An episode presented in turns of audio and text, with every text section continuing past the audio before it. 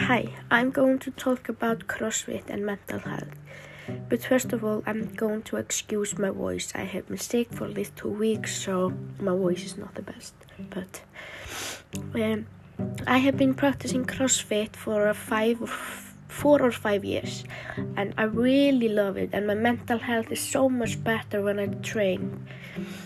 It just, yes, I I can't put it in words. My uh, I started teaching CrossFit uh, two years ago and see the people come to class and be so happy.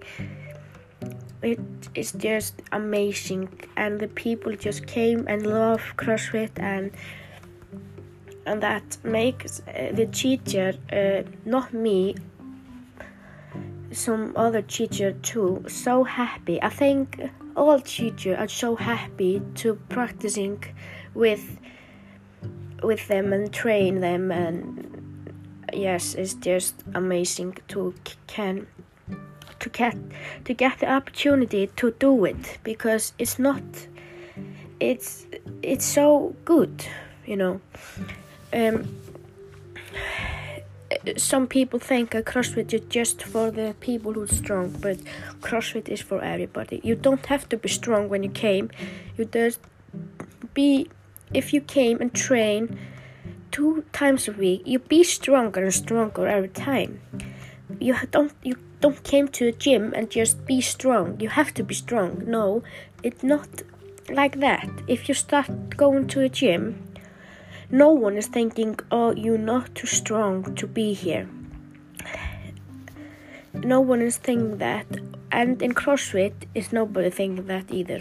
So, CrossFit and gym is just the same when you came. Just CrossFit is just being with people and train with people that make mental health so good.